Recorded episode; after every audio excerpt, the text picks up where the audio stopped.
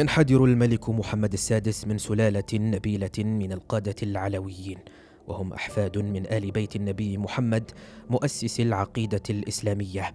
وتبعا لذلك كان لدى العاهل المغربي مصداقية هائلة في العالم الإسلامي. فقد شغل منصب رئيس لجنة القدس داخل منظمة التعاون الإسلامي وهي هيئة موثوقة ساعدت في الحفاظ على المقدسات الإسلامية في القدس وغيرها. بينما كنت أستعد للرحلة إلى المغرب وصف خبراؤنا في السياسة الداخلية شعبية الملك وذكائه بمثابة رجل أعمال. كما توقعوا أنه يريد مناقشة مسألة سيادة بلاده على الصحراء الغربية المنطقة الصحراوية الشاسعة في المغرب على الحدود الجنوبية الغربية. كان الحكام المغاربة قد ترأسوا المنطقة لعدة قرون فيما كان الملك محمد السادس ينظر إليها على أنها ضرورية لأمن بلاده القومي. عندما نالت حكومة المغرب الحديثة استقلالها عن فرنسا وإسبانيا في عام 1956 راهنت على الفور بالسيادة الإقليمية على مئات الآلاف من الأميال من المعادن الغنية في الصحراء والتي ظلت بحوزة إسبانيا. في الجانب الآخر كان هناك مجموعة محلية من سكان الصحراء أكدوا أيضا أحقيتهم في الاستحواذ على المنطقة عبر منظمتهم غير الحكومية جبهة البوليساريو التي تقود الأمم المتحدة لإدراج الصحراء الغربية في قائمة الأقاليم غير المتمتعة بالحكم الذاتي. كلما بحثت في التاريخ كلما اعتقدت أن المغرب لديه مطالب مشروعة من منظور أمني فقد سيطر بالفعل على ثلثي الإقليم. ومن الواضح أن هذا يخدم المصالح الأمريكية لسيطرة المغرب على الباقي.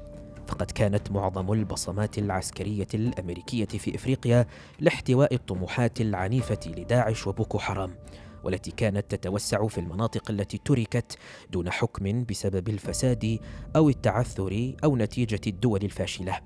آخر شيء كنا بحاجة إليه هو أن تصبح الصحراء الغربية ملاذا للفوضى المدمرة. على عكس معظم جيرانه كان للمغرب حكومة مستقرة واقتصاد سليم. وعلى الرغم من تنافسنا في كأس العالم كانت هناك علاقة وطيدة مع الولايات المتحدة. ولذلك فإن وجود المغرب في الصحراء الغربية سيمنع المنطقة من شبح الفراغ الذي يؤسس للإرهاب وغياب الاستقرار. عندما سألت خبراءنا من الذي يقف في طريق اعتراف أمريكا بذلك أعطوني اسما واحدا وهو جيم إنهوف رئيس لجنة الخدمات العسكرية القوية في مجلس الشيوخ والبالغ من العمر 84 عاما والذي عرض سيادة المغرب على الصحراء الغربية. فقد سيطرت لجنته على ميزانية البنتاغون البالغة 700 مليار دولار وهو ما منحه سلطة هائلة على سياسة أمريكا الخارجية. ولسبب ما كان يسافر إلى الصحراء الغربية لمدة عشرين عاما وأصبح راعيا قويا لسعي جبهة البوليساريو نحو الاستقلال. كنت أكن احتراما كبيرا لهذا السيناتور وأعتقد أنه كان هناك سبب ذكي لوصوله إلى ذلك المنصب. لذلك قمت بتدوين ملاحظة للتواصل معه فور عودتي بعد حديثي مع الملك محمد السادس. فور وصولي الدار البيضاء. تفاجأت وسعدت برؤية الحاخام والصديق الحبيب ديفيد بينتو لطالما ألهمني هذا الرجل للوقوف بقوة أمام الانتكاسات في حياتي عبر تقوية علاقتي مع الله.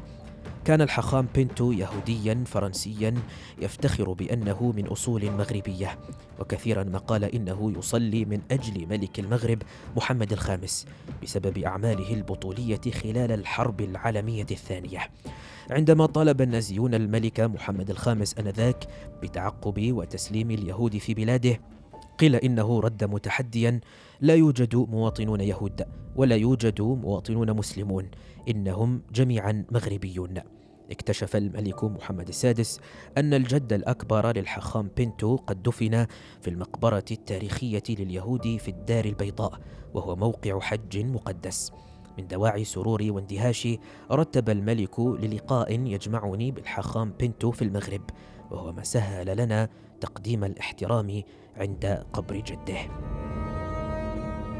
بعد ظهر ذلك اليوم أبلغني الملحق الأمريكي في الدار البيضاء أن الملك يدعوني مع ضيف آخر لتناول العشاء في منزله الخاص.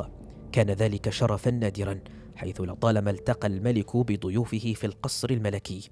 كانت تلك الدعوة في شهر رمضان. لذلك وصلت وجيسون جرينبلات بعد غروب الشمس إلى منطقة طعام فخمة في الهواء الطلق بجانب مسبح حيث اكتشفنا قائمة من الوجبات الضخمة من طعام الكوشر اليهودي. وبينما جلسنا بجانب الملك لتناول الإفطار الرمضاني شكرته على مبادرته الطيبة بشأن زيارة الضريح. خلال رحلاتي إلى الشرق الأوسط لم أخطط على الإطلاق لمشاهدة معالم المدن التي أزورها. لكن إذا كان هناك مكان واحد كنت أرغب في زيارته سيكون ذلك الضريح. وبطريقة ما كان الملك محمد السادس على علم بذلك حتى قبل أن نلتقي لأول مرة.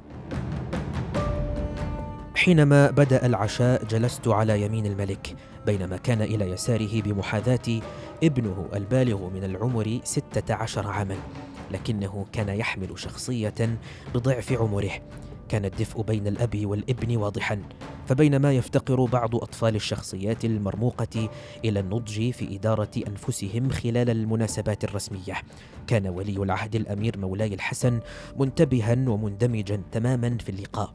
ناقشت مع الملك الصراع الإسرائيلي الفلسطيني وأكد لي أهمية التوافق والوصول إلى الأماكن المقدسة في القدس. وبعد الاستماع بعناية إلى وجهة نظره بشأن قضية الصحراء الغربية بت مقتنعا أكثر بأحقية سيادة المغرب عليها. كانت سيادة المغرب هي السياسة المنطقية ووعدته بأنني سأنقل القضية إلى واشنطن وأستكشف طرقا لتغييرها. بعد ذلك أوضح لي وزير الخارجية المغربي ناصر بوريطة سبب إلغاء الملك محمد السادس زيارته إلى واشنطن في عام 2018 قال إن جون بولتون لم يوافق على أجندة اللقاء المخطط له وخاصة البند الذي ينص على عمل واشنطن والرباط لإيجاد حل سلمي بشأن الصحراء الغربية. كان ترامب يتطلع لتلك الزيارة. وعلى حد علمي لم يخبره بولتون أبدا عن سبب الإلغاء. كان لبولتون تاريخ طويل في معارضة المغرب. في تسعينات القرن الماضي عندما توسط وزير الخارجية الأمريكي الأسبق جيم بيكر في خطة التسوية التي أدامت الأزمة كان بولتون واحدا من رجاله المفاوضين.